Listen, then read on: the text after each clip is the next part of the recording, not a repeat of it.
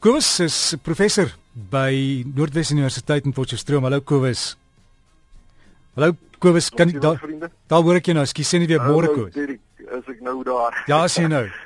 Klink of beurtkrag ondervind vanoggend. En uh ja, wat 'n irritasie is dit nou nie. Hier in Potchefstroom het ons die afgelope week ook maar gereeld deurgeloop onder die beurtkrag. En uh Nou ja, die die groen energiebronne, die die goed neem mooi toe. Daar's oral nou mooi tekens daarvan. Maar ons weet almal dat die groot probleem met groen energie is om die energie te berg vir tye wat die wind nou nie waai nie of wat die son nie skyn nie. En vanoggend wil ek graag nou gesels oor iets wat meneer Tabby Meiburg van Reebok naby Kleinbrak, daar in die mooi wêreld, daar naby George se wêreld onder my aandag gebring het. En dit is 'n ou idee om energie te berg wat deesdae met moderne tegnologie en sterker materiale letterlik nuwe momentum kry. En dit is vliegwiele. Nou die beginsel hoe 'n vliegwiel werk is eintlik heel maklik. Jy gebruik energie om 'n swaar wiel vinnig in die rondte te laat draai en wanneer jy dan weer die energie nodig het, dan gebruik jy die momentum in die vliegwiel om die energie weer vir jou terug te gee. Nou die idee is nie nuut nie, want reeds in die 1950s was daar sogenaamde girobusse in Switserland wat met vliegwiele toegerus was En wanneer so 'n bus nou gerem het, is die energie gebruik om 'n vliegwiel te laat draai en wanneer die bus dan weer weggetrek het, is die momentum van die vliegwiel ingespan om die las op die engine te verminder. Uh en ons weet almal, jy weet toe ek klein was, weet ek in vandag nog mense kry sulke karretjies wat jy so stoot oor 'n mat en dan is daar 'n wieltjie binne in hom wat vinnig draai en as jy dan die karretjie los dan hardloop hy self en ook sulke tolle wat in die rondte draai. Nou dis alles maar forme van vliegwiele. Maar goed, hierdie ou generasie vliegwiele, soos wat nou in die busse was, was baie oneffektief omdat die koelaars waarop die as van die vliegwiel rus, natuurlik wrywing veroorsaak met die gevolg dat so 'n wiel tot die helfte van sy momentum kon verloor binne 2 ure. Dis nou die groot vliegwiele. Nou deesdae word die vliegwiele met magnetiese laars toegerus. Wat beteken dat daar nêrens enige materiale aan mekaar raak nie. So daar is vir alle praktiese doeleindes geen wrywing nie En dan sit die mense nou ook die vliegwiele in 'n vakuum wat energieverliese nou nog verder verminder.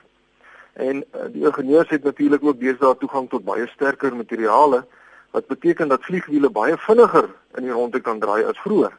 En dit is nie ongewoon dat moderne vliegwiele teen 55-60000 revolusies per minuut of selfs meer draai nie. Nou die nuutste verwikkeling wat meneer Meiburg onder my aandag gebring het, is 'n vliegwiel wat aan die nasionale kragnetwerk gekoppel is in Ierland. En gedurende tye waar daar nou 'n oorskot elektrisiteit beskikbaar is, word die elektrisiteit gebruik om die vliegwiel tot op sy maksimum rotasiespoed te versnel. En wanneer die die netwerk dan nou weer elektrisiteit benodig, dan word die vliegwiel ingespan om dit nou te lewer. So 'n vliegwiel werk dus presies soos 'n herlaaibare battery.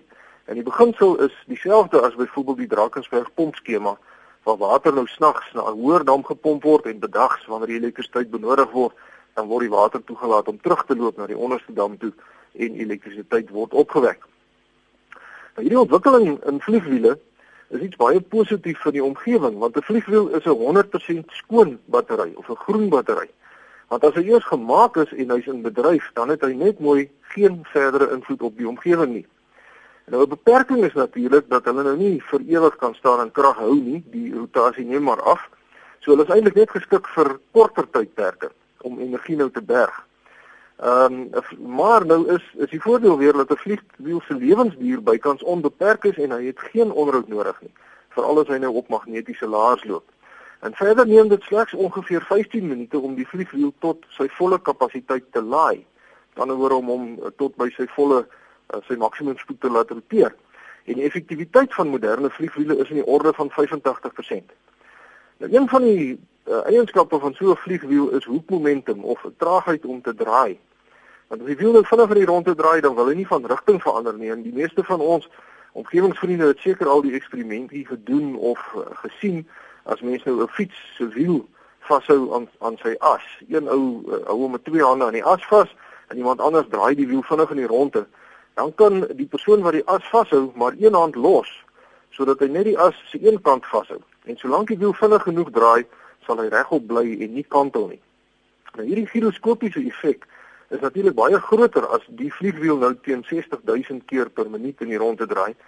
En uh, by vaste monterings probeer die draaiing van die aarde die vliegwiel se rigting dan verander terwyl die hoekmomentum van die vliegwiel hierdie rigtingverandering teewerk. En hierdie twee opponerende kragte veroorsaak dan 'n verlies aan effektiwiteit. Maar hiervoor het die ingenieurs ook 'n plan gemaak. Hulle monteer die vliegwiel in 'n sogenaamde gimbal. Uh, ek sien die Woordeboek vertaal die Engelse woord gimbal met kompasbeel.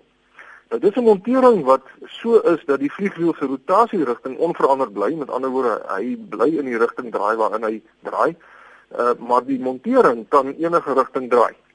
Uh so dit word nou algemeen gebruik by giroskope in vliegtye of op skepe of in duikbote of so aan. Dit laat toe dat die voertuig in enige rigting kan draai terwyl die vliegwiel in dieselfde rigting bly wys. Nou hierdie kan 'n negatiewe ding wees, maar dit kan ook positief aangewend word want ek sien uh die die ingenieurs gebruik dit as hulle voertuie se stabiliteit wil verhoog. Uh soos byvoorbeeld uh die feit dat 'n vliegwiel nou traag is om van rigting te verander kan gebruik word om te keer dat 'n motor in 'n skerp draai sal rol of dat 'n skip in rowwe see erg sal kantel. Nou ja, kom ons kyk na 'n paar hedendaagse gebruike en ek het nou reeds verwys na die girobusse van Switserland in die 1950s en die uh Ierse kragnetwerk waar hulle nou deesdae so vliegwiel het om krag te lewer uh in tye wat hulle meer van die elektrisiteit nodig het. Maar navorsing oor die gebruik van vliegwiele in motors gaan voort en in 2013 het die voertuigvervaardiger Volvo 'n vliegwielstelsel op hulle S60 sedan motor aangebring wat tot 60000 revolusies per minuut versnel as die motor nou ren. Nou hierdie motor is 25% ligter op brandstof as een wat nie 'n vliegwiel het nie en sy werkverrigting is merkwaardig want hy versnel van 0 tot 100 in net 5,5 sekondes. Dan het die Formule 1 span Williams ook met vliegwiele geëksperimenteer. En uh die uh, tegnologie wat hulle ontwikkel het word deesdae deur 'n Britse maatskappy gebruik om honderde busse weer met vliegwiele toe te rus in Europa. En dan word vliegwiele in lokomotiewe gebruik. En een interessante gebruik wat ek raak gelees het is die gebruik van baie swaar en massiewe vliegwiele om baie groot strome elektrisiteit vir kort tydjies op te wek. 'n Maatskappy met die naam Jet het twee 775 ton vliegwiele uh, en die goed draai nou teen 225 keer per minuut in die ronde en hierdie massiewe klomp energie word dan gebruik om lasers af te vuur. Nou die gebruik van vliegwiele is bykans onbeperk en daar's verskeie voordele bo gewone chemiese batterye of enige ander huidige wyse van uh, energieberging en ek noem graag 'n paar sulke voorbeelde. Eerstens word vliegwiele nie beïnvloed deur temperatuur nie terwyl chemiese batterye beduidend negatief beïnvloed word deur uiterste lae of uiterste hoë temperature. Dan word 'n vliegwiel vervaardig van omgewingsvriendelike materiale terwyl batterye vol sure en ander uh, toksiese stowwe is. Nog 'n voordeel is dat mens presies kan weet hoeveel energie in jou vliegwiel oor is deur bloot die rotasiespoed te meet terwyl die hoeveelheid lading wat oor is in 'n chemiese battery nie so akkuraat gemeet kan word nie. En dan 'n gewone battery het 'n beperkte lewensduur terwyl vliegwiele se lewensduur vir alle praktiese doeleindes onbeperk is. 'n Vliegwiel wat aan 'n stoomenjin gekoppel is eh, wat James Watt nog gebou het, werk nou al vir langer as 200 jaar sonder enige probleme in Engeland en dit was nog die ou tegnologie vliegwiele. Vandag se vliegwiele se lewensduur is vir alle praktiese doeleindes onbeperk. Uh en dan kan vliegwiele heelwat meer energie stoor as batterye en mens kan hom baie vinniger laai. En dit alles wys dat vliegwiele waarskynlik in die nabye toekoms uh, 'n baie groter rol in ons lewens gaan speel as tans. Nou die enigste beperking Derek is natuurlik die grootte van 'n vliegwiel. So ek nou want die goed moet groot wees, hy moet momentum uh, kan behou. So ek dink nou nie dat ons polshorlosies of ons selfone ooit met vliegwiele aangedryf sal word nie, maar die tegnologie ontwikkel tans teen so 'n tempo dat ons miskien baie verbaas gaan staan oor wat die mense alles met vliegwiele gaan regkry. Baie dankie meneer Tabby Meyburg van Redok vir daardie interessante nuusbrokkie. En dit ek daarmee sluit ek af vir oggend. Ons omgewingsvriende kan gerus vir my skryf by kobus.vanderwalt@nwu.ac.za of by die fakulteit Natuurwetenskappe, Noordwes Universiteit, Potchefstroom 2520. Vriendelike groete tot 'n volgende keer. Kobus, dankie en iemand het gesê vir jou huiswerk gee vir volgende keer is hoe om warm water te maak sonder dat jy nou jou solarpanele het of of gas gebruik is daar ander metodes, is daar maniere en dalk kan ons 'n bietjie daar gesels want mense sukkel deesdae met die krag wat so afgaan Kobus. Ja, Derek, ek doen dit graag, weet jy. Ek ek het al in die verlede, wat is dit, 'n paar jaar terug het ek 'n uh, apparaatjie bespreek wat die Shiza Manzi genoem word. Ek sal 'n bietjie weer gaan op diep daar in die, in die in die in, in die argiewe en dan sal ek volgende week bietjie daaroor gesels. Dankie Kobus. Shiza Manzi sê hy. Shiza Manzi. Shiza Manzi. Ja, dis waar jy omtrent 50 liter kookwater kan maak met 'n handjie met twee hande vol klein stokkies.